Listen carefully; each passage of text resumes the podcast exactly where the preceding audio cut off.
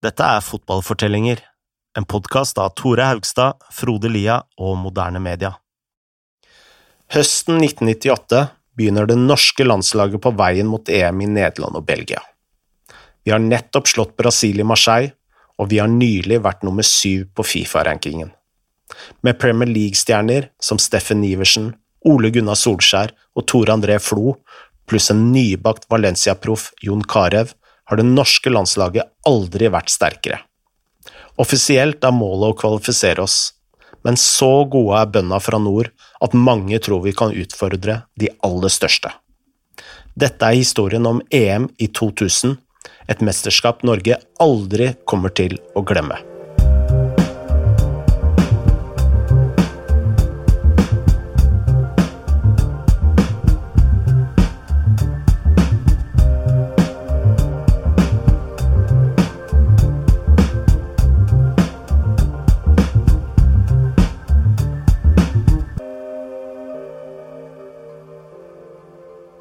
Da Norge begynte på kvaliken til EM i 2000, var vi inne i en eh, gullalder. Vi hadde nådd VM i 1994 under Drillo, og gjentatt bragden i Frankrike i 1998, hvor vi også hadde slått Brasil i Marseille. Som vi alle husker. Som alle husker. Og nå var Drillo ferdig som trener, og Erik Mykland hadde gitt seg på landslaget. Men det kom jo inn eh, friskt blod som ga oss eh, håp om et eh, nytt stort mesterskap. Det gjorde det. Mannen som tok over for Drillo, var Nils Johan Sem, som hadde vært assistenttrener for Norge i begge de to VM-ene. Sem var ikke uerfaren som hovedtrener i internasjonale mesterskap. I 1998 så hadde han tatt U21-landslaget til tredjeplass i EM, med spillere som Vegard Heggem, Eirik Bakke og Steffen Iversen. De hadde vel slått et Nederland-lag uh, i playoffen om tredjeplassen der, uh, med Roy Mackay og Ruud van Nisseløy på topp. Uh, og Legger du til Jon Carew til denne ungdomsmiksen, da, som da sto frem som ja, Norges største spisstalent, så hadde du en miks av erfarne soldater fra Drillo-tida og nye, spennende spillere. Og nå var altså målet å nå vårt første EM, noe Drillo ikke hadde klart. Ingen andre norske landslagstrenere for den saks skyld. Men det var jo altså Mellom to e- VM så skulle man jo tro at EM var mulig å nå også på den tida. Smooth sailing. Ja. Men eh, da vi prøvde å komme oss til England i 96, trengte vi kun én seier hjemme mot eh, Tsjekkia i tredje siste kvalikkamp for å klare akkurat det. Men eh, tsjekkerne de utlignet til 1-1 fem minutter før slutt, og Norge tapte så de to siste kampene mot eh, Nederland og Tsjekkia, og det var eh, litt bittert. Ja, mildt sagt bittert. men nå hadde vi jo da en, en ny sjanse, og det var ikke noe særlig oppvarming her for Sem, Sems menn etter tapet mot Italia I åttendelsfinalen i VM så var det en stakkars vennskapskamp mot Romania på Ullevål i august, som endte 0-0. Og så, 6.9, så var det rett på det blodige alvoret, som var EM-kvaliken. Og uh, ja, vi må jo være ærlige nok og si her at det ikke var den verste trekninga vi kunne hatt. Um, det var ikke Spania eller Tyskland eller Frankrike som liksom slåss med oss om uh, de to, eller den automatiske kvalikplassen som var førsteplass. Vi skulle spille mot Slovenia, Hellas, Latvia, Albania og Georgia. Og litt av bakteppet for at vi fikk en litt lett uh gruppe, det var jo at Norge var høyt sida, i og med at vi var høyt på Fifa-rankingen. Men eh, hvis vi tar litt om historikken da, til disse lagene så Tre av dem hadde aldri nådd et internasjonalt uh, mesterskap uh, noensinne, nemlig Georgia, Albania og Latvia. Her kan vi jo legge til at Georgia var et relativt nytt land, for tidligere lå det jo under Sovjetunionen. Eh, Hellas hadde vært i EM i 1980 eh, og VM i 1994, men de hadde aldri vunnet en eh, eneste kamp i disse mesterskapene. Og Slovenia hadde spilt sin første kamp så sent som i 1992, ett år etter å ha fått selvstendighet fra Jugoslavia. Så da Norge skulle møte Latvia hjemme på Ullevål i første kvalikkamp, så forventer jo de fleste en grei seier og en, en pangstart på, på denne kvalikgruppa, som, som, som, burde være grei for Norge. Men uh, det ble jo ikke det i det hele tatt. Uh, Norge presterte å tape 3-1. Um, og Allerede da så begynte jo folk å pipe på laget og lengte etter Drillo, og liksom spørre da om, om Drillo var den mannen som egentlig hadde holdt dette sammen, og om, om laget nå kom til å, å liksom kollapse litt under uh, Sem. En av de som var med i Sems uh, trenerstab, var Erik Thorstvedt. Som hadde vært uh, keepertrener på landslaget også i VM i 1998. Han fortalte oss hva han husket fra kalddusjen mot Latvia. Nei, jeg husker det var jo skikkelig katastrofe, egentlig. Vi hadde vel ikke tapt heller på Ullevål på gudene vet hvor mange år det var blitt et fort. Og så er det jo alltid et trenerbytte, så blir det jo liksom litt ekstra støy og litt ekstra eh, Ting var jo gjerne bedre før, eh. Så, men den Latvia-kampen var jo veldig spesiell, da. For jeg tror det var 15-3 i antall avslutninger for Norge, og vi tapte 3-1. Eh, og Vi var jo liksom litt så opplært gjennom Drillo og sånn til å se bak resultatene, men likevel, den er vanskelig å ta. altså Det er vanskelig å argumentere vekk. Eh, når du bare har vunnet og vunnet og vunnet i mange mange år, og så plutselig skal du møte Latvia hjemme, og så ryker du på den smellen. Så eh, Det var jo en veldig veldig dårlig start. Eh, men det var jo lenge igjennom. Vi hadde jo fortsatt troen på at dette skulle eh, vi kunne fikse. da. I neste kamp skulle Norge møte Slovenia borte. Og en uh, ny kalddusj var jo like rundt hjørnet her for, for Sam og, og co. Um, I første omgang så angrep Slovenia ned langs høyrekanten. og uh, jeg vet ikke hva helt som skjedde, men plutselig så holder jo linjedommeren ut hånda, da, som om han signaliserer for et eller annet. Mm. Um, og det virker jo som om det var jeg vet ikke om det var et frispark eller om det kunne være offside, uh, men det var jo en enorm distraksjon for spillerne. og de fleste hadde jo trodd at spillet skulle stoppe. Men nei da, spillet fortsatte. Eh, Slovenia angrep langs høyrekanten, og ballen endte inn foran målet til Norge, hvor den slepne playmakeren Slatko Savic skårte åpningsmålet. Og igjen da, så var jo eh, Norge i trøbbel. Og dette var jo en stor skandale. Uh, altså dømmingen, dømming, dømmingen, altså. Ja. Jeg husker jeg så, uh, så kampen, og skjønte jo ikke bæret av hva som egentlig foregikk uh, utpå der. Ja, Hva var det han gjorde for noe med hånda? Jeg, jeg, jeg, jeg, tror ikke det var med flagget engang. Det var liksom bare Han vifta Ja, men spillerne så jo bort på den og ja, ja. tenkte nå, nå stoppes kampen. Ja. Men uh, heldigvis så klarte Norge å krige seg tilbake inn i kampen, og Først så skåra Flo, eller Tore André Flo, for det er jo en rekke Floer i ja. dette, denne landslagsperioden. Og eh, han skåret eh, på en eh, veldig fin heading, og ti minutter før slutt så smalt Kjetil Rekdal inn et frispark fra relativt langt hold. Og nå så det endelig ut til at Norge var tilbake på rett kurs. Ja, grei skuring og ja, på kurs mot EM, men sånn ble det jo selvfølgelig ikke. I neste kamp på Ullevål så møtte Norge Albania. Med all respekt så hadde jo de fleste forventa en ny seier der, men Åtte minutter før slutt så klarte vi å ligge under med 2-0. Og eh, Det var jo bare en sluttspurt som, som klarte å redde oss litt. Først skåret Rekdal på straffe, og to minutter før slutt så klarte Henning Berg å stupe inn en corner som ga oss 2-2. Dette var jo likevel uh, ingen særlig god start for et lag som skulle hevde seg i EM, og som det var veldig mye positiv bøss rundt. Og da kvaliken tok eh, pause inn mot uh, nyåret, var det stor usikkerhet og mye kritikk rundt uh, landslaget. De neste månedene hadde Sam muligheten til å justere litt på laget i en rekke treningskamper, blant andre mot Egypt, Israel og Estland. og igjen så skulle man tro at Norge kunne sikre seg litt selvtillit der, men vi vant kun én av de kampene, som ikke akkurat dempa skepsisen. men så kom det da en vennskapskamp i februar uh, mot Italia i Pisa.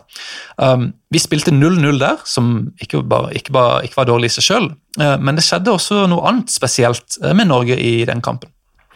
For å høre mer om det har vi snakket med en nestor innen norsk sportsjournalistikk, nemlig Knut Espen Svegården, eller Svea blant gode venner. Svea var og fulgte hele kvalifiseringen, og var også med ned til eh, Belgia og Nederland og dekket det for VG.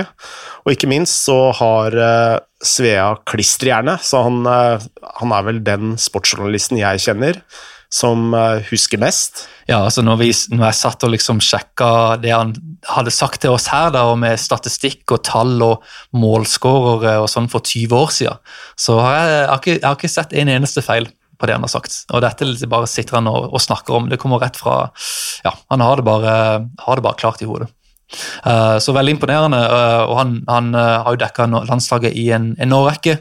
Um, og han hadde dette å si om vendepunktet for Norge i denne kvaliken. Så Kvalifiseringen åpna jo katastrofalt. og liksom Egil hadde ikke tapt der på sju år, og så kommer han andre inn og skal overta. og Så spiller han 0-0 i en treningskamp først, og så taper han første kvalikkampen.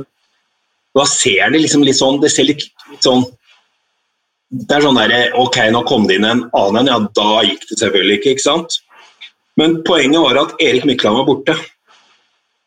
Uh, han var borte de tre første kampene, og da sto de med fire poeng.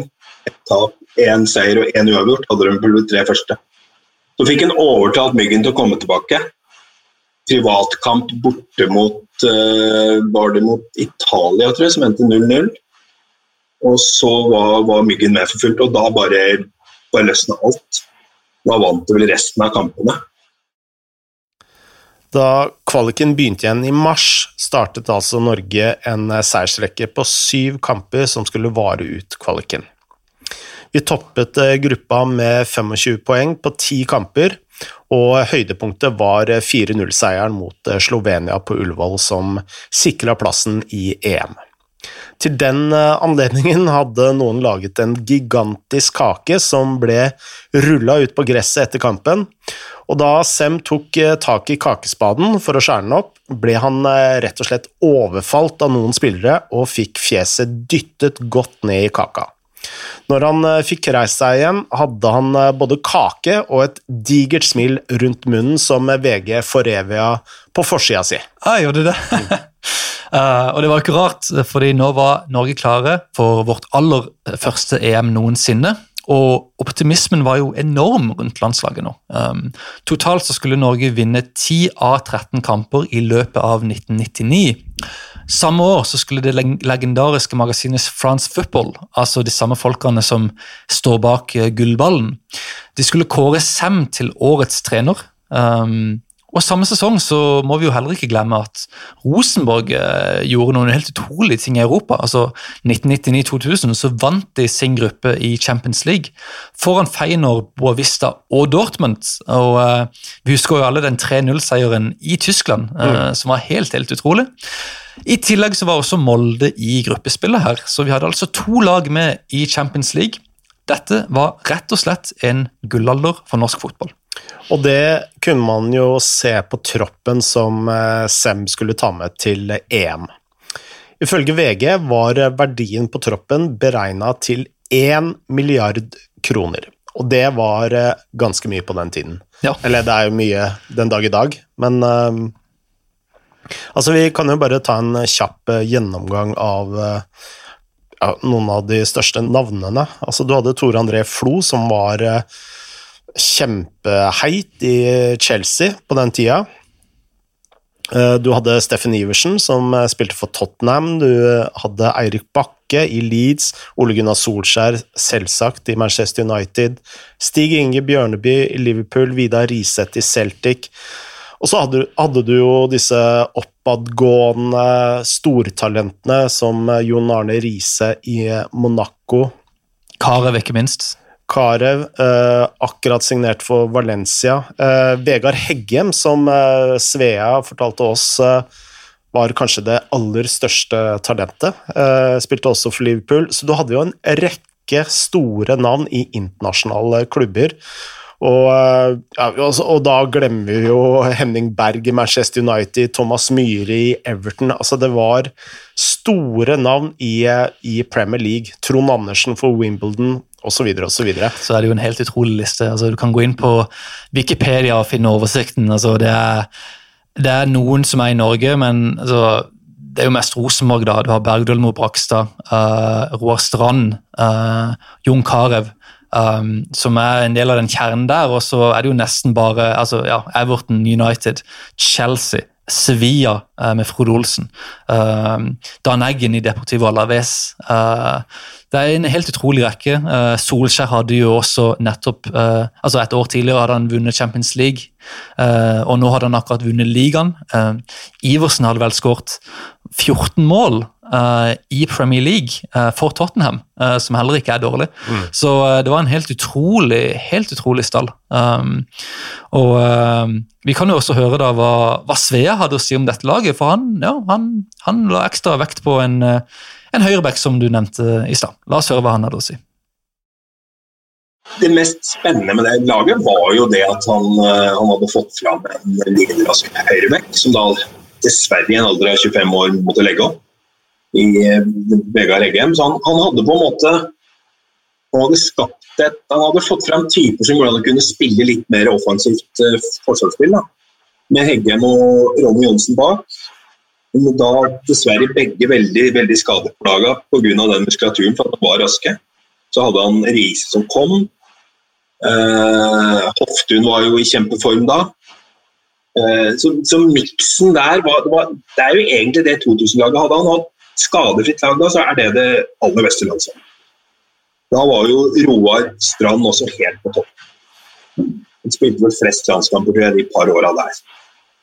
Han hadde tatt over plassen til eh, Leos. Eh, Solbakken spilte jo en del indreløper. Og så hadde han et arsenal av angrepsspillere. Og Thomas Myhre var, hadde tatt over etter Grodås og var vel i Everton og var uh, en toppkeeper. Så det var, det, var et, det var ikke mange europeiske lag som var sånn klart bedre spiller for spiller heller. I vennskapskampene like før EM viste disse spillerne hvor gode de kunne være. I november tapte Norge 1-0 hjemme mot Tyskland, men eh, vi rundspilte tyskerne totalt. og eh, Sve fortalte oss at han tror det er den beste kampen han har sett et norsk landslag spille. og eh, Med hensyn til hvor lenge Sve har fulgt med, så, så er ikke det rent lite. Nivået på laget var nå såpass høyt at selv når Norge vant, så kunne Sem ha grunner til å være misfornøyd. Um, da vi slo Slovakia 2-0 hjemme like før EM, var Sem rasende på spillerne rett før pause. Uh, han sa at han måtte gi dem litt strøm og piske dem litt, uh, og la til at han rett og slett var usikker på om uh, troppen kom til å, komme i form innen EM. Men i siste treningskamp før EM svarte troppen virkelig. Motstanderen på Ullevål var ingen ringere enn Italia, som kom eh, med all sin prestisje og eh, Armani-stil. Og det var en eh, nyhetsreportasje på NRK TV, tror jeg? Ja, jeg tror det var NRK.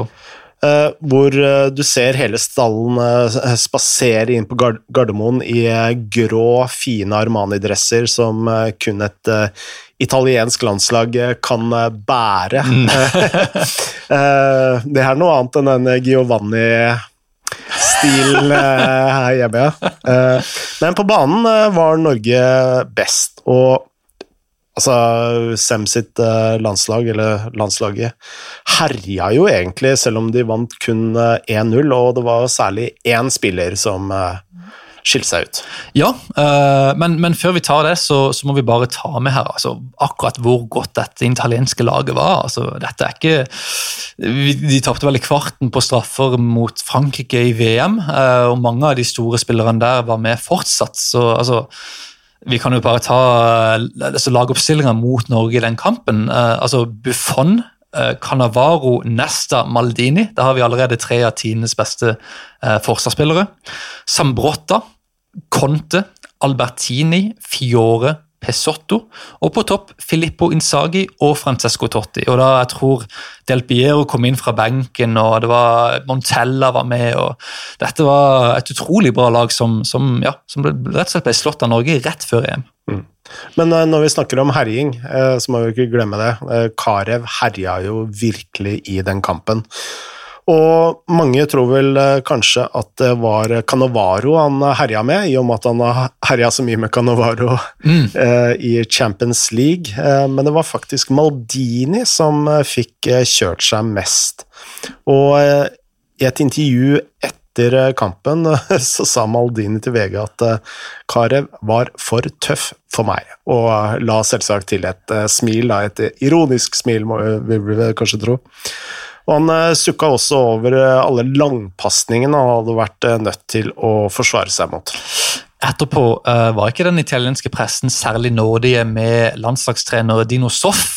Avisen La Stampa kalte tapet en katastrofe for Italia, og Gazzetto della Sport, som er den aller største avisen i Italia, skrev at Soff ikke ser forskjell på dag og natt. Og Jeg tror ikke det hjalp her at Soff sa at han var fornøyd med prestasjonen, men det sa jo også at kanskje Norge ikke hadde så veldig stor respekt blant de aller største nasjonene i Europa.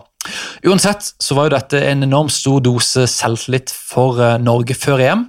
Og da gruppene ble trukket, så var det jo mulig å, å skimte en vei til eh, kvartfinalen. Norge havna i gruppe med Spania, Jugoslavia og eh, Slovenia.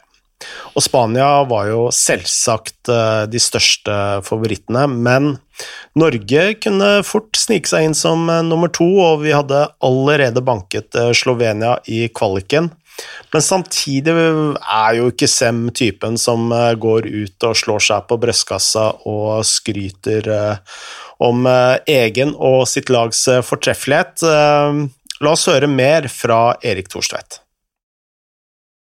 Jeg tror jo vi hadde fortsatt selvtilliten fra, fra de mesterskapene vi hadde vært med på tidligere, de to VM-ene. Men Nils Johan er jo en litt sånn Eh, han tar jo aldri noe for gitt. Altså, han, eh, han, er jo en som bekymrer seg litt, eh, uansett motstander. og Det gjør jo at en, en tving, blir tvungen til å holde seg veldig på tå hev. Ingenting skal tas lett på, ingen små detaljer skal overses. Så han var jo veldig på det, så det var ikke noen form for Eh, sånn kaksige greier, i hvert fall. Det var det vi ble holdt godt ned på. Uansett var optimismen stor før EM, iallfall blant folket. Eh, Norge hadde noen viktige spillere ute med skade, som Erik Hoftun og, Ronny Johnsen. Men eh, altså, Stole Solbakken var jo en av de som følte at ja, vi kunne slå hvem som helst om vi hadde dagen. Svea fortalte oss at om Norge hadde hatt full tropp uten skader, så hadde faktisk en semifinale i EM vært en realistisk greie. Og Sveriges landslagsspiss Kenneth Andersson han gikk enda lenger. Um, jeg vet ikke om dette var en slags sånn mind game fra svenskene, eller noe sånt, men han sa da før EM at Norge kanskje kunne vinne hele greia. Det som var helt klart, var at Norge ikke dro til Nederland og Belgia for å være noen kasteball men Sem visste at han gikk en ilddåp i vente. Norges første kamp var mot Spania, og dramatikken lå like rundt hjørnet.